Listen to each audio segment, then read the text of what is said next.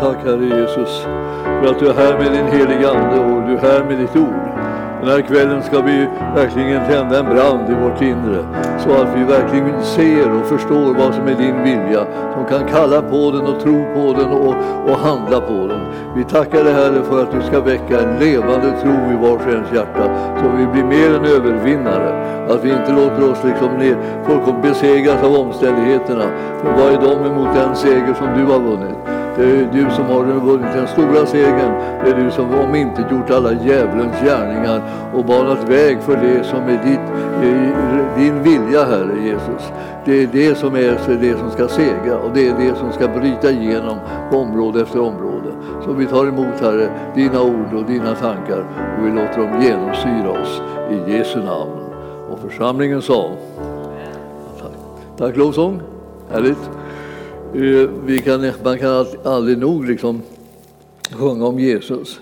Och så, även om man inte liksom riktigt får tag i någonting riktigt övrigt, övrigt i texten så, så, så räcker det att man minns att det, det är Jesus som jag ska uppmärksamma. Eh, det, det är bara att gratulera varje människa som tänker ofta på Jesus för det blir någon en väldig frihet i det. Och det finns en väldig frimodighet också som lossnar eh, när man, när man tänker på honom. Idag så ska vi gå till ett eh, lite omdiskuterat brev. Det, det, det, gör ju ingenting att det är omdiskuterat, det beror ju bara på att det finns en del som inte riktigt har förstått vad som står där. Och, eh, men det klarnar efterhand. Alltså allting liksom sväljer man inte med en gång utan det, det händer mycket. Liksom. Alltså man lär sig, och man hör och man, man förstår mera och man praktiserar och, och man håller på. Så att så småningom så börjar man få ljus över det ena brevet efter det andra. Det här har blivit lite, lite ökänt just därför att det är en av dem som vi känner väl till, nämligen Martin Luther. Han, eh, han hade svårt att smälta det här brevet. Eh, det säger bara någonting om att det, det som han hade smält hittills då, det tyckte han nästan räckte. Och sen behövde han inte höra liksom någonting mera. Men det, alltså det här brevet är ju skrivet liksom utav eh, en, en, eh, ett brev, så alltså det är ett brev som är skrivet till, till Jakob. Eh, från Jakob till, till församlingarna i, i, i, de tolv församlingarna, de tolv stammarnas församling, de som har spritts ut över världen. Alltså det hände ju någonting våldsamt häpnadsväckande från det att man egentligen inte var särdeles bra på att sprida liksom, eh, budskapet och, eh, som var i Gamla testamentet. Så när det Nya testamentet bröt in och den Nya testamentets tid så började evangelien spridas alltså på ett sätt som, som aldrig förr. Och, och, nu spred den sig i den kända världen och den kända världen var ju liksom i stort sett hela världen jag säga, eh, som, eh, som behärskas av romarriket i det naturliga. Men det, det svängde snart. Så att det, det romarriket blev beroende av det andliga riket, nämligen Gudsriket, hur det spred sig och hade liksom nedslagsplatser och bildade församlingar runt omkring hela Medelhavet. Och till slut så blev eh, romarriket beroende av att, att liksom hålla sig väl med församlingen för att kunna liksom hålla ihop sitt rike så behövde man hålla ihop med Guds rike. Och det, det är sådana saker som är av insikter som kommer och går bland människor. Ibland så tror de att det är frågan om att Guds rike ska hålla sig väl med världen och då kommer allting klar, då blir allting bra.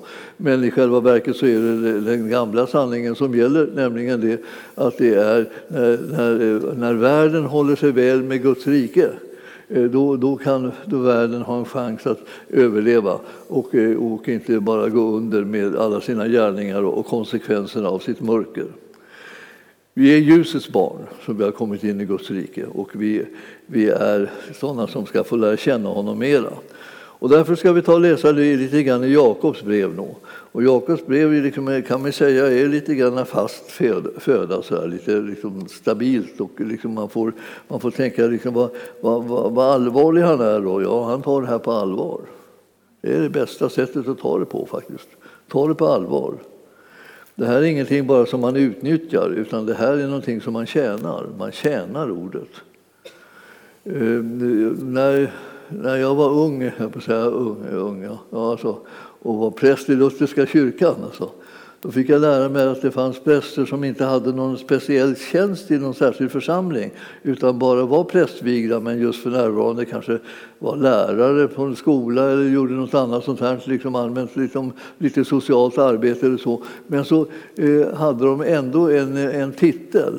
Och den där titeln hette på, på latin, och det tyckte de här prästerna då, och inklusive mig själv, då, att det var tjusigt att svänga sig med den titeln. Och det, den hette Verbi Divini Minister, alltså Guds ords tjänare.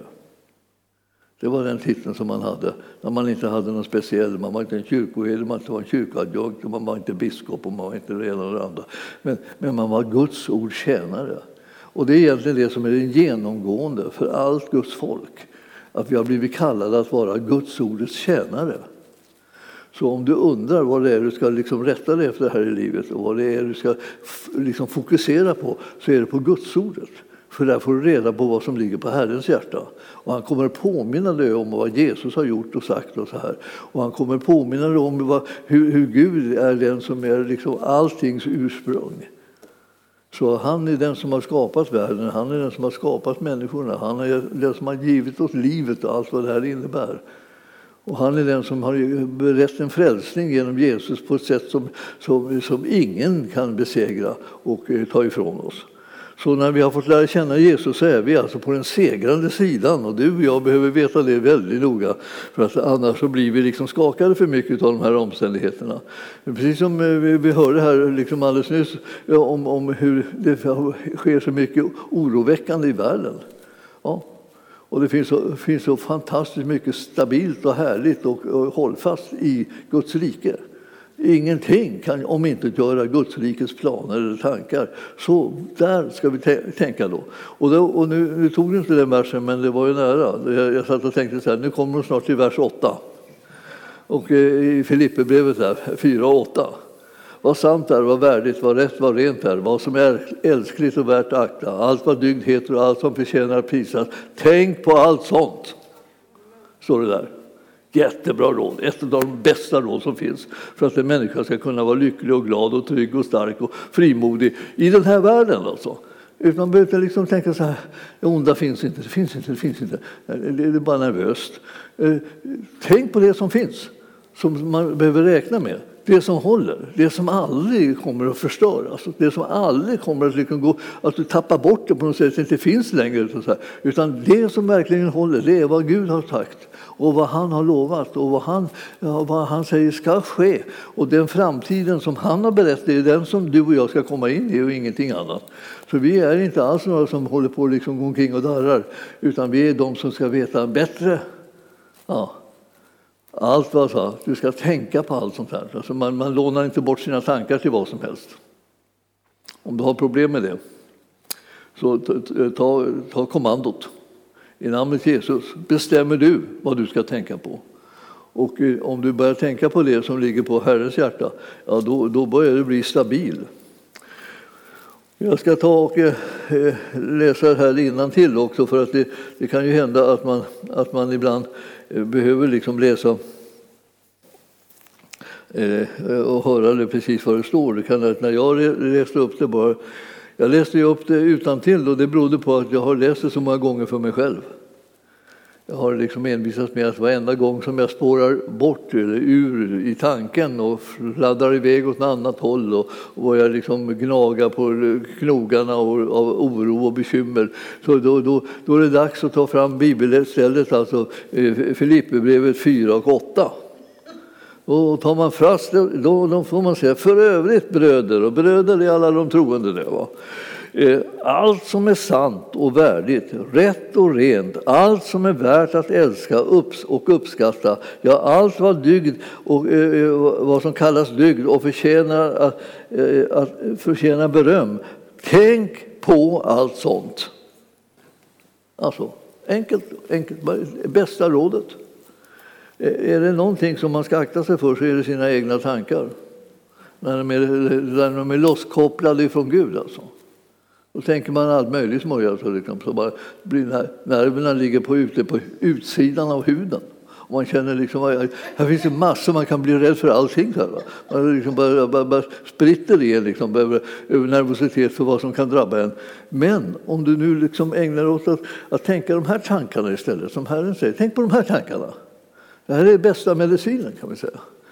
Så jag satte igång och tog den medicinen.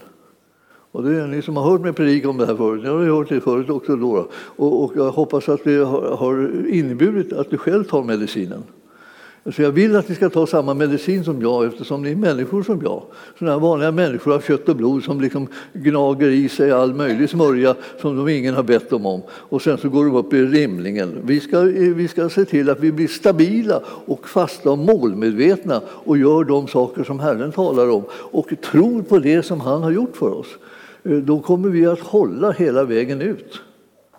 Ja. Och så att det här ser ni, eh, i eh, Filipperbrevet där står det alltså för övrigt bröder och ni troende, lyssna nu då.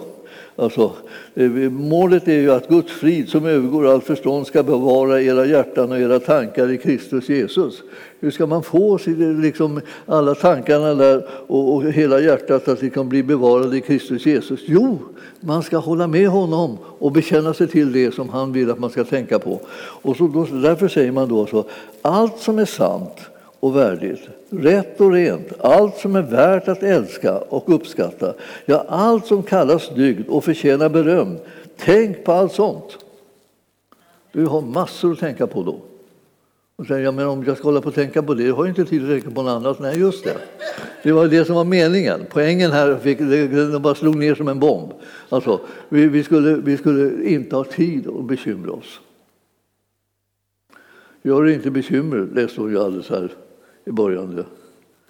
Att bara stå där och, liksom, och vägra göra sig bekymmer, det är nästan helt lönlöst. Man måste göra någonting istället för att göra sig bekymmer. Man måste vara upptagen. Se till att du är upptagen med Guds tankar, Guds vilja, Guds planer, Guds utvägar, Guds lösningar, Guds hjälp, Guds kraft och alltihopa det här. Och sen liksom över alltihopa så ska du vara upptagen med att du är älskad av Gud. Alltså medeltid. Man blir så eh, glad och salig och frimodig eh, bara man vet att man är älskad av Gud. Så, så sug åt det. det, det Herren har inte liksom nämnt ditt namn som något slags undantag i det finstilta längst ner. Och liksom, eh, en liten kommentar till Bibeln. Och så du som heter det här. det gäller inte. Det finns inga sådana undantag. Det gäller varenda kotte. Liksom. Det är bara frågan om, om hör du att det gäller alla? Förstår du att du ingår i alla? Då säger du tack Jesus att det här gäller mig. Är, då kommer Guds frid som övergår allt förstånd, även mitt förstånd. Då. kommer alltså Guds frid bevara alltså våra hjärtan och våra tankar i Kristus Jesus. Det är där de hör hemma. Och när, jag, när, när, det händer mig så här, att jag stöter på sådana här bibelställen som på det viset liksom säger sådana enkla sanningar, så att säga, där, där har vi det. Där har vi det. Det där är det som är vår kallelse. Det är där vi ska vara, det är det vi ska tänka på, det är det som ska uppta oss. Och inte liksom bli på kvällar, oh, jag har så svårt att sova, jag ligger här och kastar mig hit och dit för det är massor med problem som inte är lösta och inte lösta och inte lösta. Hur jag än vrider och vänder på mig så har de inte blivit lösta. Och, och, liksom, och svetten lackar och, så, och, och de blir ändå inte lösta. Det finns överhuvudtaget ingenting som biter på dem utom det som Herren har gett oss. Så ta då ta vara på hans ord och låt det här liksom sätta en prägel på det så att du blir, liksom, blir trygg. Och sen kan du sova som en stock. Och när du vaknar så är du utvilad och glad och tänker äntligen en dag då vi tillsammans, Jesus och jag, ska vinna seger över alla djävulens gärningar och, liksom, och hitta hans lösningar, hans utvägar, hans kraft och hans glädje. Det är äntligen en sån dag till. Alltså. Och det finns många sådana dagar som ligger och väntar på dig bara om du låter bli och liksom använda tiden något annat idiotiskt. Eh, alltså bekymmer är inte någonting som vi ska hålla på med. Gör er inga bekymmer för något. Det är ett suveränt bra råd. Va? Det, är nästan, det är få som vågar säga någonting sånt till någon som bekymrar sig. För då åker man nästan på en, en, en smocka. Liksom. Alltså, så, så, det är någon som bekymrar sig så då säger man åh, jag förstår lilla gumman. Lilla, lilla gubben, jag förstår precis hur du har det. Liksom, det är inte lätt, det är inte lätt, det är adligt elände, ja, vi har alla våra, våra, våra liksom sår och smärtor och grejer som vi måste bära på. Men det, så, man ska säga så här, låt bli att bekymra dig. Tänk på det som Herren har gjort. Han är din räddning. Därav är liksom beteckningen frälsare. betyder räddare. Eh, det betyder inte, han, han, han försökte så gott han kunde, men det gick inte. Det, det, det, det, går, alltså det här, han, han klarar de här sakerna och det är så suveränt hur han, är. Och då inträder någonting som vi allihopa behöver i kubik, nämligen Guds frid som övergår allt förstånd. Du behöver inte begripa det på Guds frid. Du behöver bara ta emot den. Och, och, och, och då kommer det, den här friden alltså bevara våra hjärtan och våra tankar i Kristus Jesus. Välkommen in i det gänget som ger uppmärksamheten åt det här, den här friden och fridens konsekvenser i, i mitt liv. Alltså. Vi är, vi, är, vi är välsignade över att bara få, få höra talas om att det kan vara på det viset. Ja, eh, och så står det så här i nionde versen också då, eh, för att fullborda den här biten av kapitlet. Då. Vad ni har lärt och tagit emot, hört och sett hos mig, det ska ni göra och då skall fridens Gud vara med er. Det är han som ska, har, eh, har liksom bokat in er för framtiden här i det här livet. Alltså. Han tänker vara med er i det här livet, fridens Gud. Om du undrar vad ska, ska det gå för dig och ska du kunna klara upp alla de saker som du brottas med och utmanas av och så. Då säger du du kommer inte gå någonstans utan att fridens Gud är med dig. Och han kommer hjälpa dig att vinna seger, alltså över omständigheterna. Jag tänker att det ska vara, vara så svårt att liksom eh, välja sida kan man säga när det gäller vårt tankeliv. Alltså, de flesta av oss har en väldig rush på liksom, att tänka på allt möjligt smörja som, som man har talat om. Då. Och svårigheterna är liksom, och utbudet är stort. Men det, det, det, är inte, det är inte starkare än det utbudet som kommer genom Jesus. Hans utbud är starkare. Alltså. Och därför så kommer det alltså, när du väljer honom, då kommer inte det här eh, andra utbudet som kommer från mörkret att kunna besegra dig eller hejda dig eller, eller krossa dig eller liksom göra dig förtvivlad och uppgiven och, och liksom bara ge upp alltsammans. Och så. Det, det kommer inte hända, för han som är med dig, han är större än den som är i världen. Jag har läst det där bibelstället. Han som bor i er är större än den som bor i världen. Det betyder att han, Jesus, som har tagit sin boning i ditt hjärta, du som har bekänt honom som Herre och Frälsare, han är större än den här djävulen som bor i den här världen och plågar människor och jagar dem och mänskligheten liksom, att bete sig på allt möjligt sätt av, av ondo i förhållande till varandra istället för att låta Jesu vilja regera.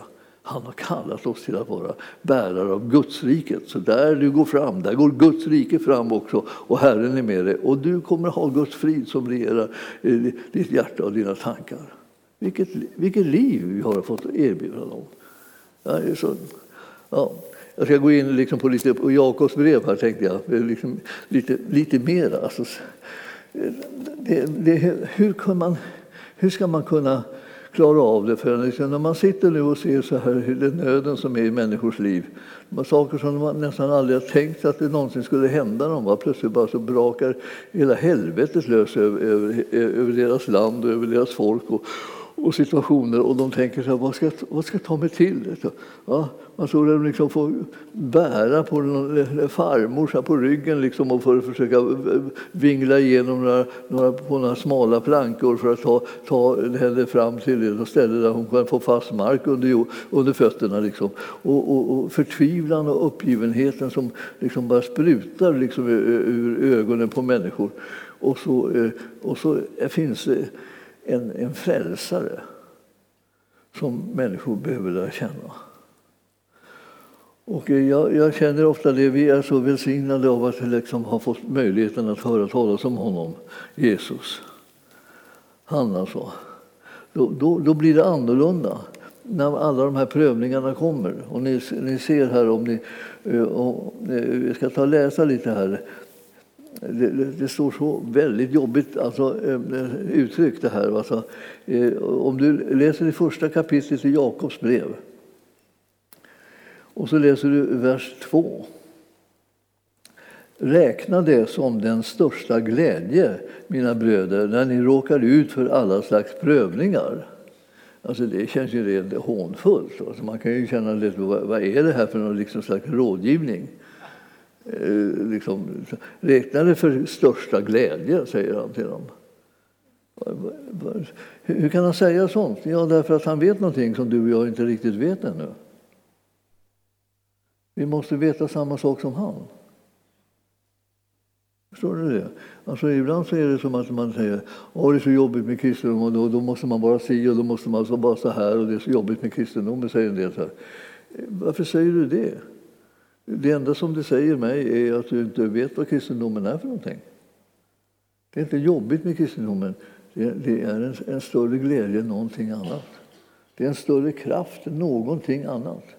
Eh, det där är en, det är en räddning som kan rädda dig från vad som helst som du håller, kommer in i. Och, och allt vad helst som drabbar dig kommer du alltså hitta vägarna ut ur det. Det är någonting som kommer uppfylla dig med frid och glädje i din ande och i ditt hjärta. Så att du inte behöver oroa dig och bekymra dig. Att ni förstår, man kan säga olika saker här. Man kan bestämma sig för att gå på eh, den vägen som Herren anvisar eller så kan man eh, bara sälja sig till hopplösheten som finns i världen. Men vi, vårt rike, är inte av denna världen. Eller hur? känner till. Jesus han har ett rike som inte är av denna världen. Och därför så vill han värva oss in i det riket. Han vill inte bara att vi ska höra talas om det och tänka att tänk om man hade det riket. Utan det, det, han säger till det, det är ditt. Alltså.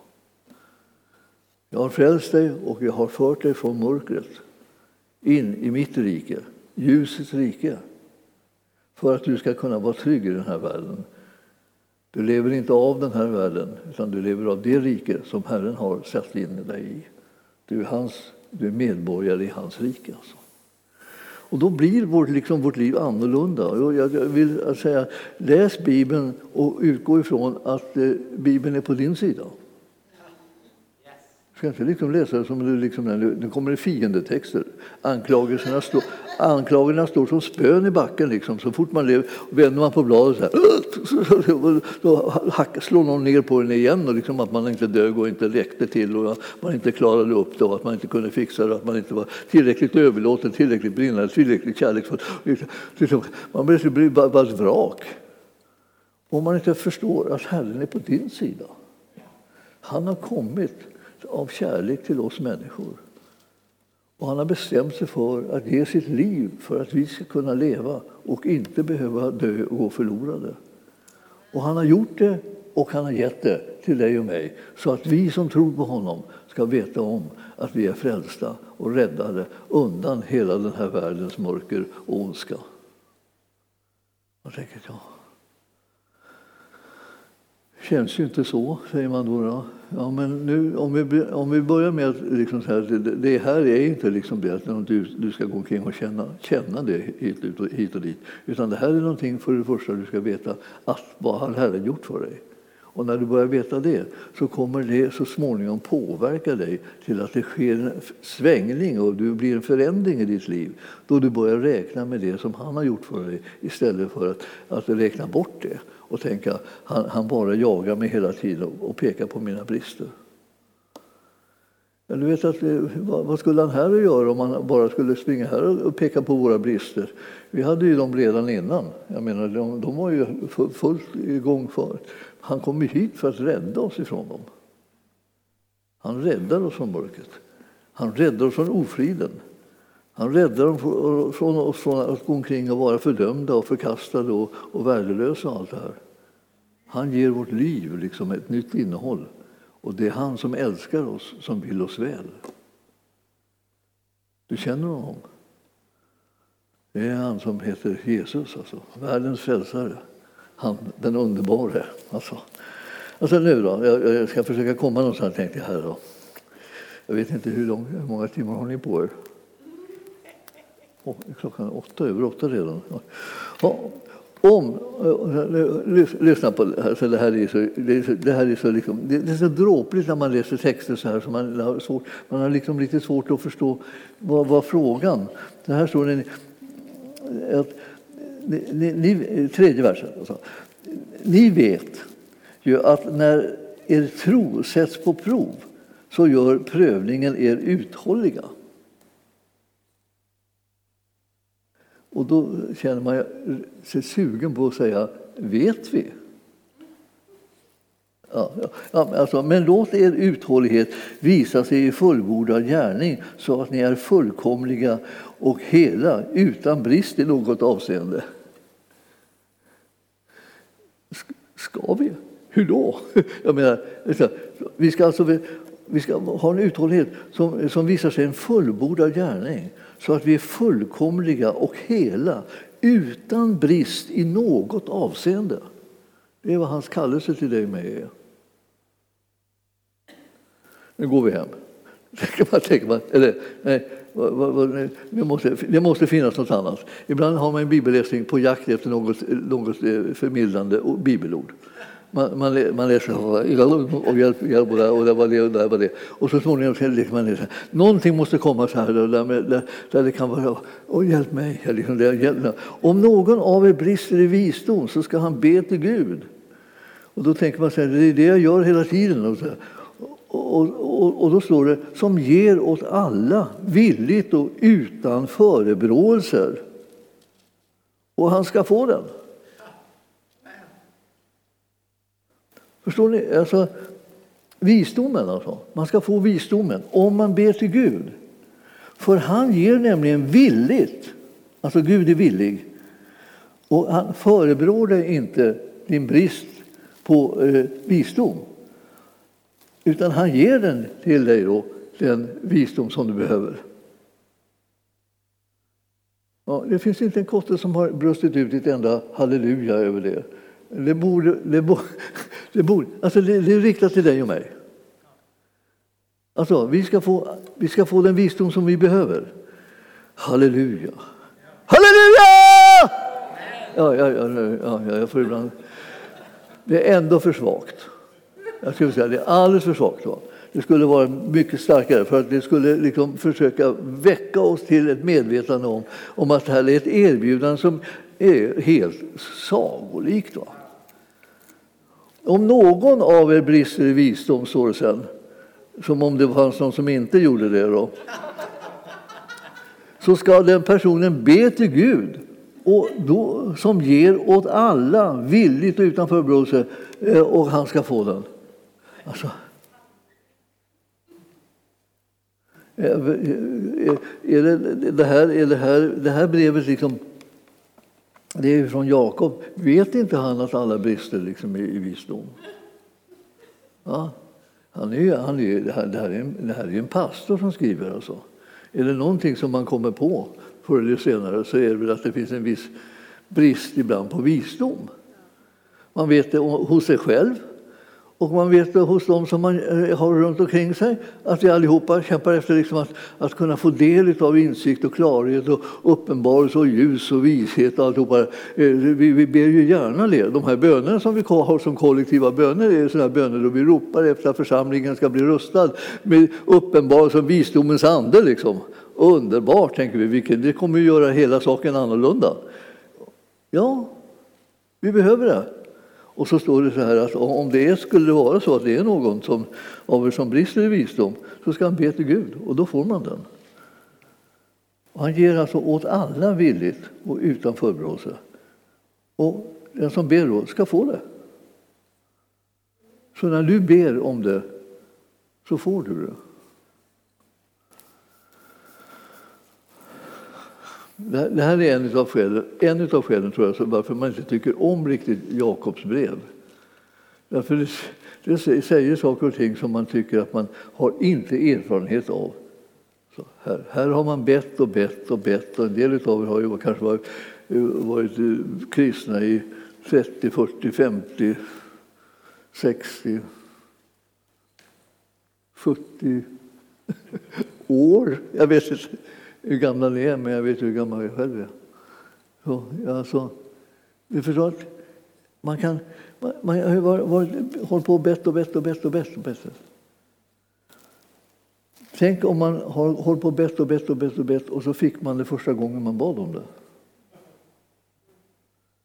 Fast man märkte inte det därför att man hade ingen riktigt bra tro på det. Man tänkte så där enkelt kan det inte gå. Vem som helst skulle kunna komma och be om vishet och så får de vishet med en gång. Det skulle se ut det.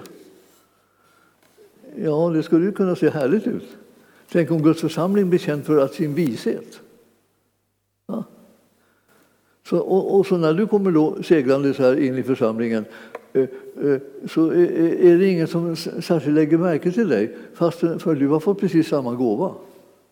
Vishet allihopa så sitter vi här visa, visa församlade bett om vishet och insikt och uppenbarelse och klarhet och, och, och ibland kraft och glädje, en helig ande. Vi har bett om det här. Och Herren säger ja, ja, ja, ja, ja, ja, just det, ja, fint, underbart, du vill ha det, jag vill ge det. Vi är överens. Yes. Och så, Eh, så börjar vi tänka, ja, ja, ja, ja. Börjar vi tänka liksom. Och så reser vi oss rätt. Så, så vi, vi, vi, skulle vilja kunna säga, ja, det där tar jag emot bara, och punkt slut. Och, jag, eh, och jag förbjuder mig själv att lägga mig i det mera och, och eh, så här, jag bara tar emot det. Men så där enkelt får det inte vara för oss i allmänhet. Utan, utan vi måste ha någon slags invändning och något trassel som vi ska liksom, dra fram. Och, och, då, och då slutar det hela med att vi, vi får inte tag i vare sig det ena eller det andra. Och vi tänker så här, är det så här som det känns? Nej, gudskelov är det inte det. Det är inte som det känns.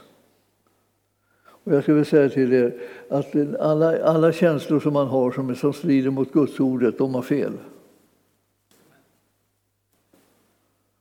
Och eh, då tänker du, ja men nu, får, nu måste du vara realistisk, nu ska vi vara realistiska. Nej, det behöver vi inte alls vara. Inte realistiska på det sättet att, eh, liksom så säga, att mina känslor de har rätt och Guds ord har fel. Det är inte, det är inte realism. Det, det, det, har jag fått dem allt om bakfoten helt enkelt. Där. Så här, därför står det så här, så därför, men alltså, det är det att man ska be i tro utan att tvivla. Och så står det liksom någonting som vi, nästan alla tycker så känns så jätte, eh, eh, sant. Ty den som tvivlar är liknar havets våg som drivs och piskas av vinden. Och en sån människa ska inte tänka att hon kan få något av Herren. Mm. Då, nu är vi alla på ett spår. Det här har vi vår uppenbarelse och vårt ljus. Och vi har sett att det här är, det här är sanning, så där är det. Man ska, inte, man ska inte inbilla sig att man får någonting när man inte har någon riktigt tillräckligt stark tro. Men du vet att den, den som, den som är den starka delen i det här är egentligen inte din och min tro. Utan den starka delen är din och min Herre som har gett dig den här gåvan och den är din. Och vare sig du har tro som ett senapskorn så kommer den vara tillräcklig för att du ska kunna ta emot den gåva som han ger dig. Hör du mig? Alltså man tänker så här, ja, men jag, jag skulle gärna vilja ha en sån stark tro, en övervinnande tro. Så bara, så man, så bara liksom, bara, jag känner liksom att jag segern bara frustar ut seger så här. Liksom hela tiden. Och, så, och, så, säger jag, och så får du nöja dig med liksom ett, ett senapkonstro. För det räcker. För att Herren vill bara höra som ett litet pip som säger ja tack till honom för det som han erbjuder dig. Och du har det. Vågar du tro att han är styrkan istället för att du är styrkan? Ja, du måste tänka på det.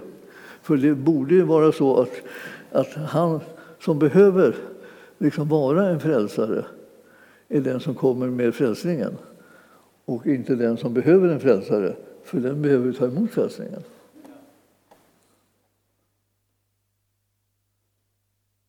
Någon nickar lite försiktigt åt mig så att det inte, så att det inte blir för mycket. Ja, ja, ja men det här, så ni, det här talar nu Jakob om. Han försöker tala om för oss att det, det, det finns någonting som erbjuds här som, som bygger på att Herren är stark och mäktig och han är mäktig att frälsa. Vem han vill. Alltså. Det är däremot inte mot någons vilja. Men om de vill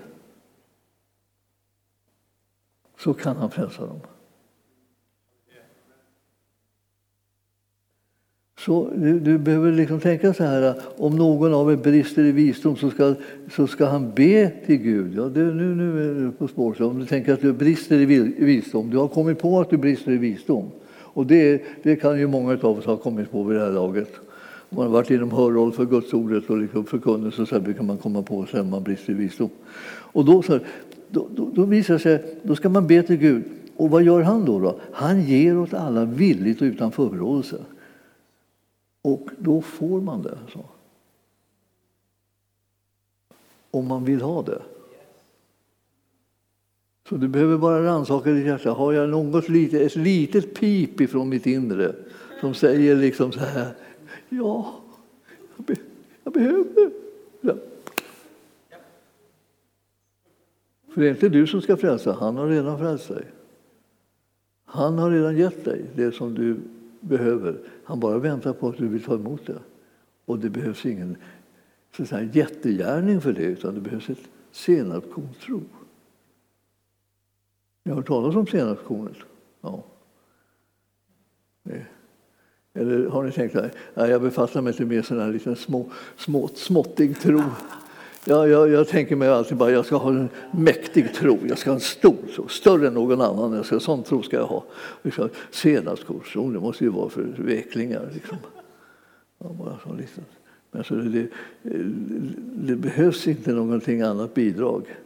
För om det blir något annat bidrag än en senapskornstro, ett sånt litet uns av tro, om du kommer med något annat att bidra med för att du ska kunna få det som Herren eh, vill ge till dig, då kommer du att förstöra möjligheten att ta emot det. Det är inte du som ska vara källan till frälsningen, utan det är han som är det. Och du ska bara säga, jag är kandidaten för det. Jag har ingenting, men jag längtar efter det. Ja. ja. Och han ska ge det, står det. Och då har du inte strukit under det här i din bibel så behöver du stryka under det och gå tillbaka till det och läsa det och läsa det och läsa det och läsa det och ta emot det och tacka Gud för det och prisa honom och hålla på så här för att du ska kunna våga hålla dig till något som han har lovat och inte bara någonting som ska kännas på ett speciellt sätt för dig. Du ska våga lita på frälsaren.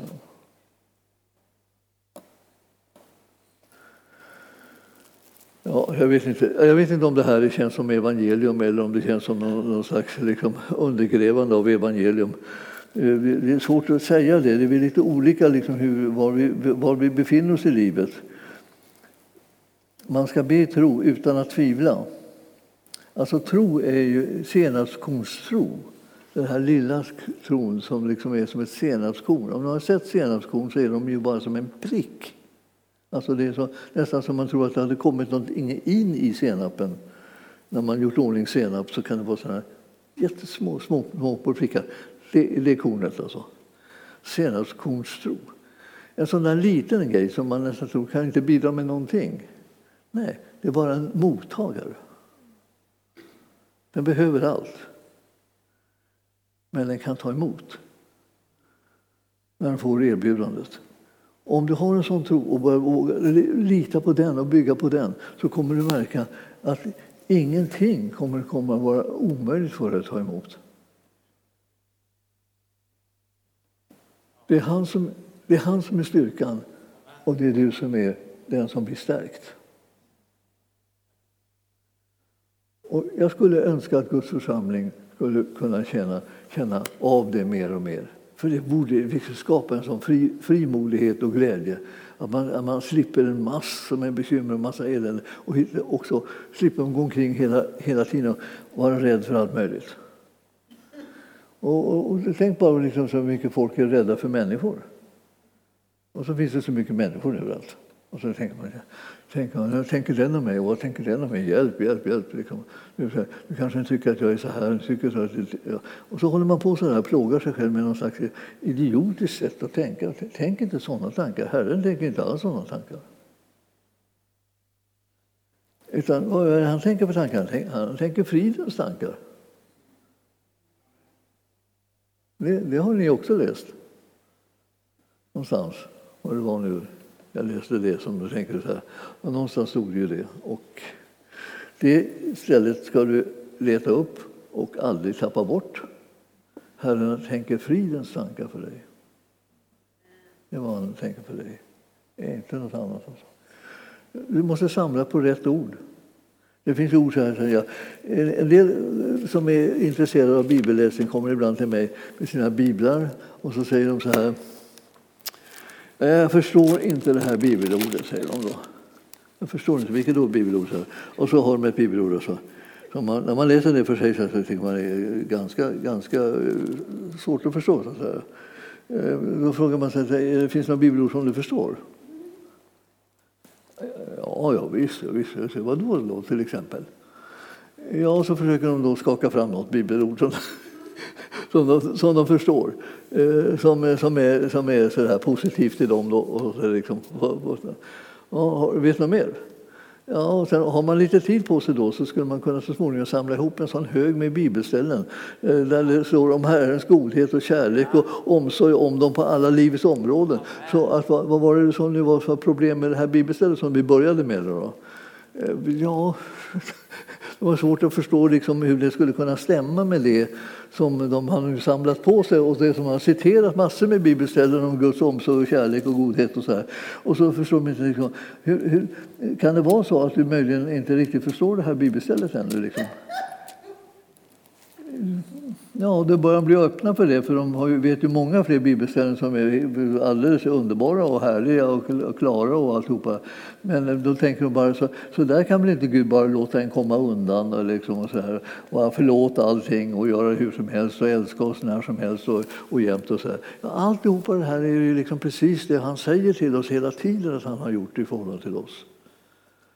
Det, det, det, vi allihopa har ju lärt oss någon gång liksom i livet den här, så älskade Gud världen. Ja. Världen, det är den som, som inte kände Gud alltså. Eh, så älskade Gud världen att han utgav sin enfödde son för att var och en som tror på honom inte ska förgås utan evigt liv.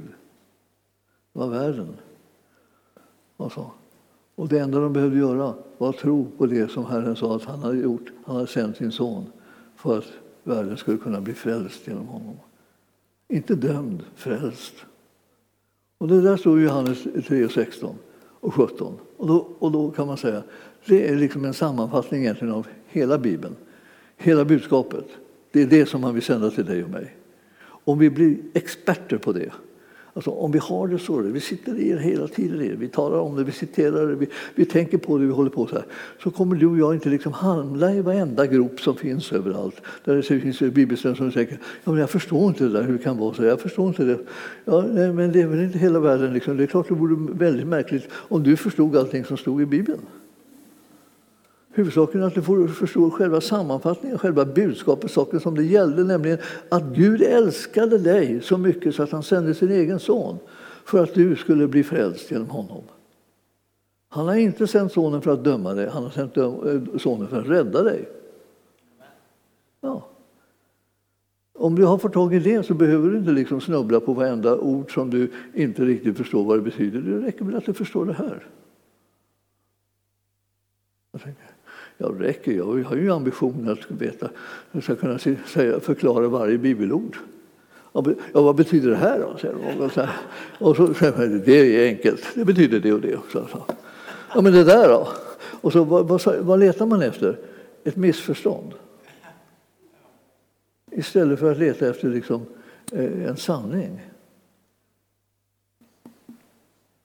Plåga inte dig själv med att leta efter missförstånd. Utan håll dig till det som är sanning.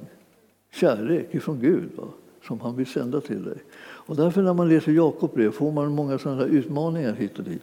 Men man ska komma ihåg vilken fantastisk sak det var att, det här, att han, han säger att ni, oavsett hur det är i livet och ni stöter på alla möjliga saker som verkar jobbiga och kämpiga på olika sätt, och vem har inte gjort det? Så är det så att att ni ska hålla det för glädje, för att det här, det där, det, kommer sättas på prov. Och eh, eh, den här prövningen den kommer göra er uthålliga. Ni låter er inte besegras, även om ni stöter på de här svårigheterna, att förstå vissa saker och eh, förstå hur det kan hänga ihop. Medan du, om du har lärt känna Jesus som är din frälsare och Herre så kommer du kunna vara trygg även om du inte vet varenda sak som gäller honom och hur han, hur han verkar och hur han är. Så vet du tillräckligt för att kunna vara trygg. Du ska inte vara, du ska inte vara rädd för att liksom stöta på något hinder här och där. Hela livet är fullt av hinder. Man kan inte hålla på att vara rädd jämt heller. Det är bättre att man är trygg jämt. Så man har en frälsare. I alla lägen så är man så. Aldrig någonsin någonstans går jag liksom ensam och utan honom. Alltid är han med mig. Alla dagar. Inte tidens ände. Så om du till äventyrs är med då också, vid tidens ände, så, så kommer han ändå vara med dig då också. Så ni förstår, att, jag, jag, att läsa sin bibel det är att leta efter eh, spåren som man, där man känner igen hur ens mästare har gått. Man går i hans fotspår, man följer honom. Man är en lärjunge till honom. Där han går, där går vi. Och därför så, så är det, och, och, även om man brister på olika sätt så är det inte det som är problemet. Problemet är om man inte tror att man kan få någon hjälp. Och Herren säger till alltså, alltså, jag, jag vill att ni ska vara eh, så, så, så, insatta så att ni vet att om du behöver någonting så ber du till mig och jag hjälper dig. Och han ger det villigt och glatt åt var och en alltså, som ber, eh, utan några förebråelser och du blir, får den hjälpen som du behöver. Och du tänker så här, ja men jag, jag har ju bett och bett och jag har inte fått den än. Nej, men, det, men det, det, jag säger bara det han, han, säger inte att du, att du har fått den redan, utan han säger att du, att du får den. Vi, vi ska alltid tala om för Gud när, när och hur och han ska göra saker och ting. Medan han, han vill bara säga, jag vill att ni ska veta att jag hör bönen som du ber. Och jag vill hjälpa dig och jag, jag ger dig utan, eh, eh, utan förbråser. Han säger inte så här, ja, dig vill jag inte ge någonting för du har ju inte skött det för fem öre. Och så tänker man så här, han har kanske rätt. Han har alltid rätt. Men du vet att det är fortfarande så att han är den som säger eh, du ska få det därför att du ber mig om det. Och hur, hur, hur kan jag ha någon rättighet att få det jag ber om? Därför att jag är hans. Jag har bett honom komma in i mitt hjärta och frälsa mig. Och det är det han längtat efter att få höra ifrån mig. Och, och han gör det. Han kommer och han frälser och han räddar dig. Och han kommer att vara med dig alltid och hjälpa dig. Ge inte upp om honom. Han har inte gett upp om dig. Det finns ju mycket större anledning att ge upp om dig kanske, och mig liksom, än, än, än det är för oss människor att ge upp om Gud. Han är genomgod och älskar oss och trofast och allt det här. Du ska förstå, du kommer ihåg vem du talar med. Så kommer ditt liv bli mycket stabilare och mycket tryggare än det, än det kommer att vara annars. Alltså. Det här är... Eh, ja, jag, ska, jag, jag, måste bara läsa slutet på det här stycket. Här, liksom. eh, tolfte verset har vi. Salig är den som håller ut i prövningen. Ty när han har bestått sitt prov så skall han få livets krona som Gud har lovat dem som älskar honom.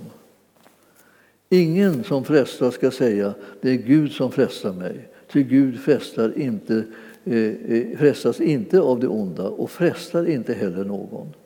Var och en som frestas dras och lockas av sitt eget begär. Och när så begäret har blivit havande så föder det synd. Och när synden är fullmogen så föder den död. Bedra inte er själva, mina älskade bröder. Till allt det goda vi får och varje fullkomlig gåva är från ovan och kommer ner från ljusens fader om vilken ingen förändring sker och ingen växling mellan ljus och mörker. I kraft av sin vilja så födde han oss på nytt genom sanningens ord för att vi skulle vara en förstlingsfrukt bland dem som han har skapat. Detta vet ni, mina älskade bröder. Och, och då kan man säga, oj. Ja, och sen kommer ett litet stycke som jag egentligen hade tänkt att predika om den här kvällen, men som nu blir inte av, utan det, jag avslutar där. Men nästa stycke är från alltså eh, vers 20 och till och med 27. Och det är att vara ordets hörare och görare, båda delarna. När man hör ordet så är nästa steg att man gör det eftersom det är Herren som kallar en till det. Allt det han säger åt en att göra, det är man mäktig att göra i hans namn. Ingenting av det är en slags omöjlighet, utan allt är möjligt när han kallar det för möjligt. Och därför så kan du vara frimodig också när du, gör, när du hör för att få vet jag hans vilja, då vet jag vad jag kan göra för någonting. Det är inte då jag ska sätta mig ner och säga är det här omöjligt eller är det möjligt. Eh, kanske inte, det kanske inte jag kan, kanske inte, han skulle nog ha bett någon annan att göra det. Och så där. Alla sådana där tankar är fullkomligt bortkastade. Det han säger till dig i sitt ord, det är det som är möjligt för dig tillsammans med honom. Och tillsammans med honom är du alla dagar ända in till tidens ände.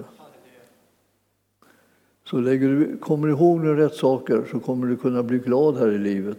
Eh, och inte bara tänka att ja, man blir väl inte glad för man kommer till himlen. Och då, då, är det ändå någon liten sån här eh, gnällspik som tänker så här. Nej förresten, då blir man inte heller glad för jag har läst att då kommer Gud hålla på att torka av tårar liksom hela tiden. Man står och gråter som en gris när man har kommit till himlen över allting som man har missat och, och som inte blev som det skulle bli och alltihopa det här. Nej, men så, så det, det där ordet förstår du tydligen inte heller. Så låt det vara. Eh, det är så. Eh, han vill att vår glädje ska bli fullkomlig, så det är det som är målet. Han kommer se till att vi når det målet. När vi säger ja, Herre, du får gärna leda mig den vägen där, där min glädje kan bli fullkomlig. Det som du har utverkat för mig, det är mitt. Och det som du har gjort för mig, det är också mitt. Och det, det jag har fått i uppdrag att göra, det kan jag också göra tillsammans med dig. I Jesu namn. Amen. Tackar dig himmelske Fader för att ditt ord är så gott och härligt och för att det finns så mycket hopp och så mycket tro och så mycket glädje i det så att ingenting av det som är utlovat ska utebli. I Jesu namn. Amen.